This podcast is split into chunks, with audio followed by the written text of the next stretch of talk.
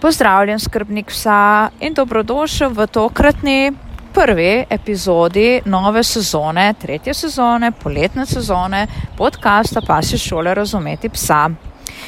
V tele, tele epizodi ne, bom takole malo bolj um, poučna z namenom, da ti preko svoje zgodbe nekako predstavim zelo prepogost celo pojav tako imenovane zadeve toplotnega udara pri psu.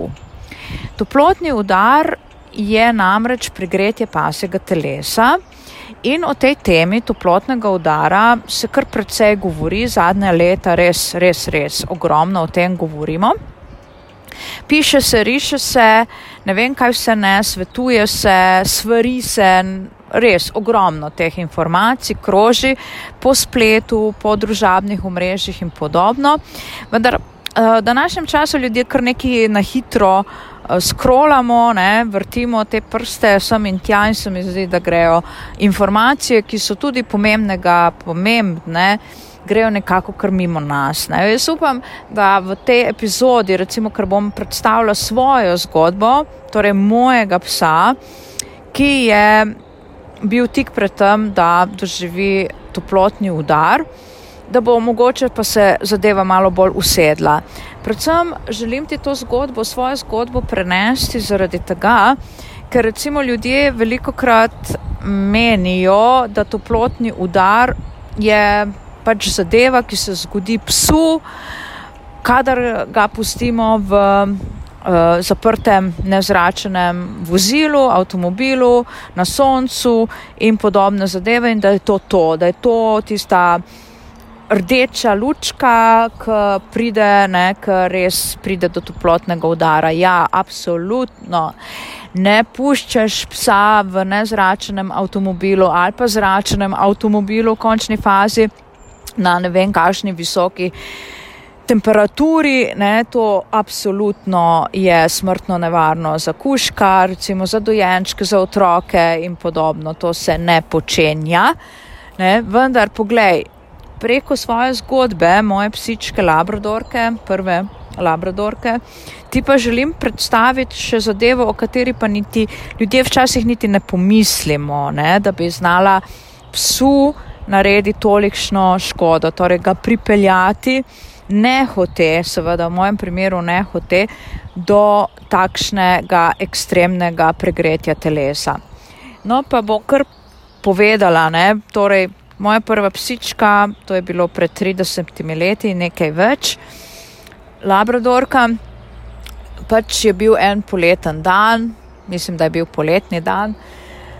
In uh, je bila takšna, takšno, takš, ta dan ni bil ne vem kako sončen, ne? in so bile plohe, pa so bile nevihte in sem in tja, in smo rekli takole, uh, pa dajmo, ker danes pa ni tako vroče, pa dajmo iti v takšni precej zgodni popodanski uri, pejdmo iz Brežic do Terem, do Terem Čatež, ne? to je kakšne v eno smer 3-4 km, nič uh, strašnega za mladega labradorca, ne, tam v najboljših letih labradorca, ne, pejdmo pač na sprehod. Ne. In to še ni treba hoditi po betonu, ker lahko greš tako le po, po makadamu in pač luštno, ne, si rečeš. In res mi se odpravimo, ne, imeli smo takrat že dve labradorki, ne, uh, se odpravimo na tale uh, sprehod in tam proti termam ne, uh, se začne počasi iza oblakov kazati sonce. Ne. In ker sem rekla, da smo šli zgodni popovdanski uri, je to sonce ne, ni bilo tako nedolžno. Ne. Hkrati pa, ker je bilo v zdan, so bile neke plohe, nevihte in ne vem kaj, je bila zračna vlažnost zelo, zelo visoka. Torej, kombinacija, za katero ti moram povedati, da je tako, takrat sem se naučila, najhujša in najbolj zoprna kombinacija, ki najhitreje privede do pregretja pasjega telesa, je sonce, torej visoka temperatura plus visoka zračna vlažnost. Ne, ker naši psi se pač ne znojijo, ne, no, nekaj malega skozi blazinice imajo dlako in podobno, torej tega, tega ni ohlajanja telesa preko znojenja in se hladijo s tem pač, da hahlajo, torej da sopejo. Vendar, kadar je v ozračju visoka zračna vlažnost, je to hlajenje, ta način hlajenja zelo minimalen, ne more, ne, tok je vlage v zraku, da preprosto se kuža ne more zelo učinkovito hladiti njegovo telo. Ne. In tako mi gremo in hodimo, kar naenkrat um, pač, ja, psička se je hladila, torej se je hahljala. Meni osebno se to ni zdelo nič tako, da bi bilo tako pospešeno hlajenje, ne, kajti predno pride do toplotnega udara, je to hahlanje izjemno pospešeno, ne, sluznice postanejo rdeče. rdeče um, to se mi niti ni zdelo. Kaj me je opozorilo, da se pri psu nekaj dogaja, kar nam ne bo všeč in je lahko zelo, zelo za njo nevarno, je to, da jo je začelo zanašati. Ne. Izgubljala je ravnotežje. Torej, sem pa tja začela hoditi in to je bil znak, aha, takoj, takoj v trenutku sem vedela, zakaj se gre, ne, da, to, um, da se ji telo toliko pregreva, da enostavno um, to ne bo v redu. In seveda smo se takoj ustavili, uh, sence neke na tej poti ni bilo, so pa bile zaradi teh, teh padavin, so bile pa luže. Ne. In noč uh, smo jo dal kar ohlajati tako, da smo ji naredili senco s pomočjo tega, da smo stali okoli nje, ne, pa je bila senca uh, in da se je ulegla v lužo, ne, da se je namočila uh, trebuh, ne, v stremu, trebušni del, si je pač namočila v tej luži, je ležala, se na tak način ohlajala. In to ji je pomagalo, da je potem prišla do, do naše destinacije, do Terem, tam je dost potem, dovolj te sence in tako, da se je res dobro, dobro ohladila ne, in um, pač ni bilo nekih posledic. Ampak to ti želim povedati preko svoje zgodbe, ne, da recimo lahko se ne hote človeku zgodi takšna zoprna situacija, zato je dobro vedeti, kako ravnati v takih situacijah, recimo, ne, e, torej to izrazito hahlanje, um, zanašanje, torej izguba ravnotežja, ne, to so vse znaki, da je potrebno psa čim hitreje ne, spraviti v nek senčen prostor in potem ga ne namočimo v vodo, ne, ne vržemo ga v ledeno vodo, ker to bi bil pa za telo, za krnožilni sistem res takšen konkreten pretres. Ne.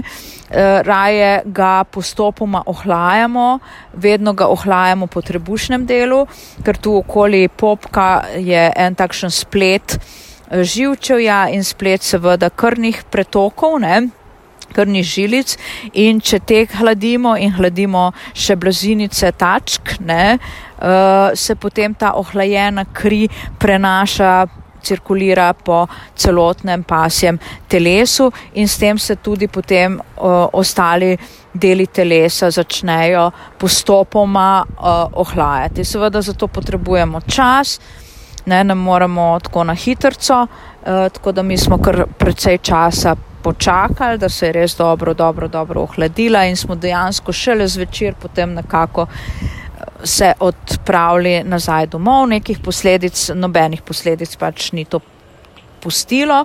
Ta epizoda, uh, ker smo jo tudi zelo na hitro rešili, ni prišlo v nek ekstrem. Torej, če pa je to nek ekstrem, recimo je pa potrebno obiskati tudi veterinarja, da preveri, če je vse to če je s psom vse eh, v redu na telesni pač uh, ravni. No. Tako da ja, dragi moj poslušalec, bodi v tem poletju, v vseh poletjih ne, s psom, bodi res, res, res um, pozoren na to nevarnost toplotnega udara, ki lahko zelo, zelo na hitro te zadane. Vedno še posebej si pozoren, če je zračna vlažnost uh, izjemno visoka. Prav tako marsikdo ne ve, da recimo, če si s psom na kakšni, na kakšni plaži, da se kopata in je njegov kožuh mokr, je zelo veliko izhlapevanja te vode z pasjega telesa, kar posledično pripelje lahko do dehidracije. Zato mokrega psa dajemo v senco, ne, potem mu naredimo uslugo, ga hladimo, ne?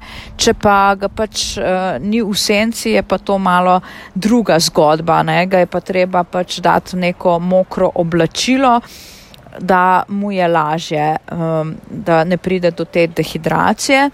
Torej, to je tudi ena takšna informacija. Pa seveda se v poletnem času izogibaš vsem aktivnostim, res mentalnim, prehudim mentalnim, pa tudi telesnim aktivnostim, ne, oziroma jih izvajaš zgodaj, zgodaj zjutraj.